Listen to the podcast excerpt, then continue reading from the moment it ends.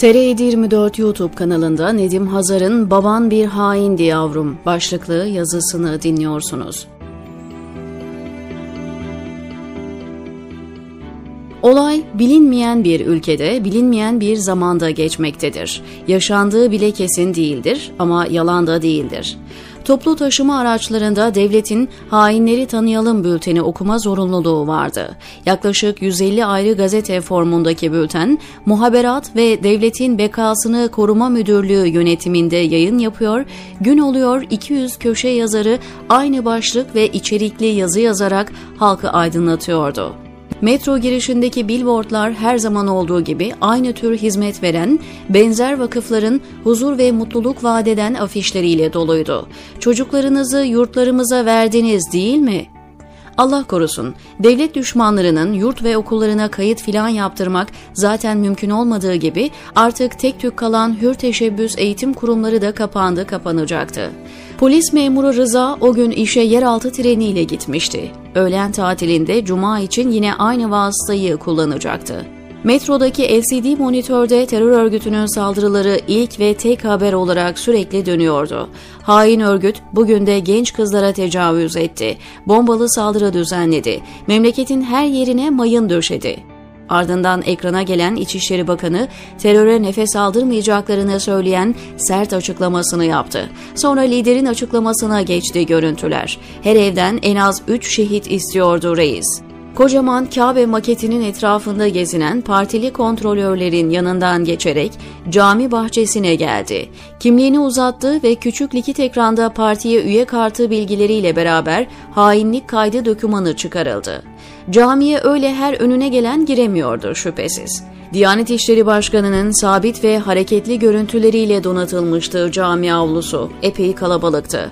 Başkan o yıl hacca gidecek şanslı partilileri açıklıyordu.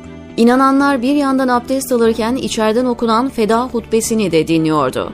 Kürsüdeki hoca efendi kim bu cemaat vatan uğruna olmaz ki feda şiirinden yola çıkarak Ulu Reis'in üç şehit mottolu söylemini dini terminolojiye uyarlayarak anlatıyordu.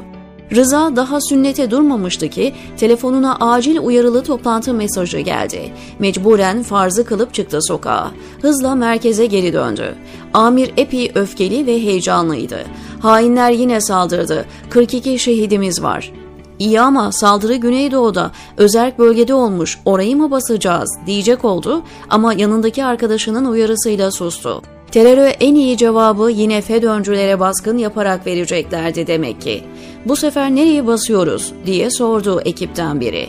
Öyle ya tutuklayacak kimse kalmamıştı adeta. Artık 13-15 yaşındaki çocukların büyümesini bekliyor, tutuklayacak yaşa geldiklerinde evlerinden alıyorlardı.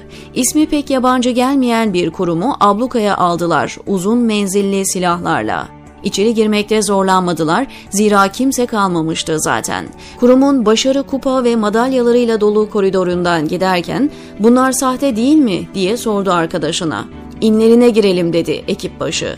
Doğruca mutfağa gittiler ve büyük bir titizlikle un çuvallarını yere boca ettiler. Ekip amiri müessese müdürüne bu un biraz sararmış gibi niye böyle diye çıkıştı ve tutanağa geçildi esmer un. İşte bu diye bağırdı ekip amiri elinde tuttuğu margarini tüm ekibe göstererek.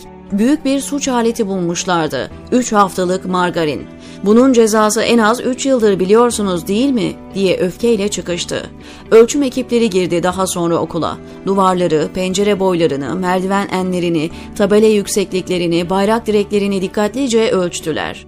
Çocukların çizdiği resimlerdeki hayvanların ne derece doğru olduğunu da rapora kaydettiler. Bazı güvercinlerin gagaları nizami görünmüyordu mesela. Apaçık suçtu bu. Kurum başarı duvarındaki kurucu listesine bakarken Rıza dona kaldı. Gözlerine inanamadı. Arkadaşları kısa sürede onun şaşkınlığını fark etti. Hipnoz olmuş gibiydi Rıza. Duvarda duran kurucu listesinin arasında babasının da fotoğrafı vardı. Ekip amiri birden Rıza'ya şüpheyle baktı. Rıza kendini çok kötü hissetmeye başlamışken amir tıslayarak kaderini haykırdı. Senin baban da bir hainmiş Rıza. Kanter içinde uyandı Rıza. Belli ki çığlık atmıştı. Karısı son dönemde artan bu sanrılarından dolayı epey tedirgindi aslında. Kim bilir belki de geliyordu gelmekte olan. Rıza o sabah evden çıkarken telefon rehberine tekrar baktı.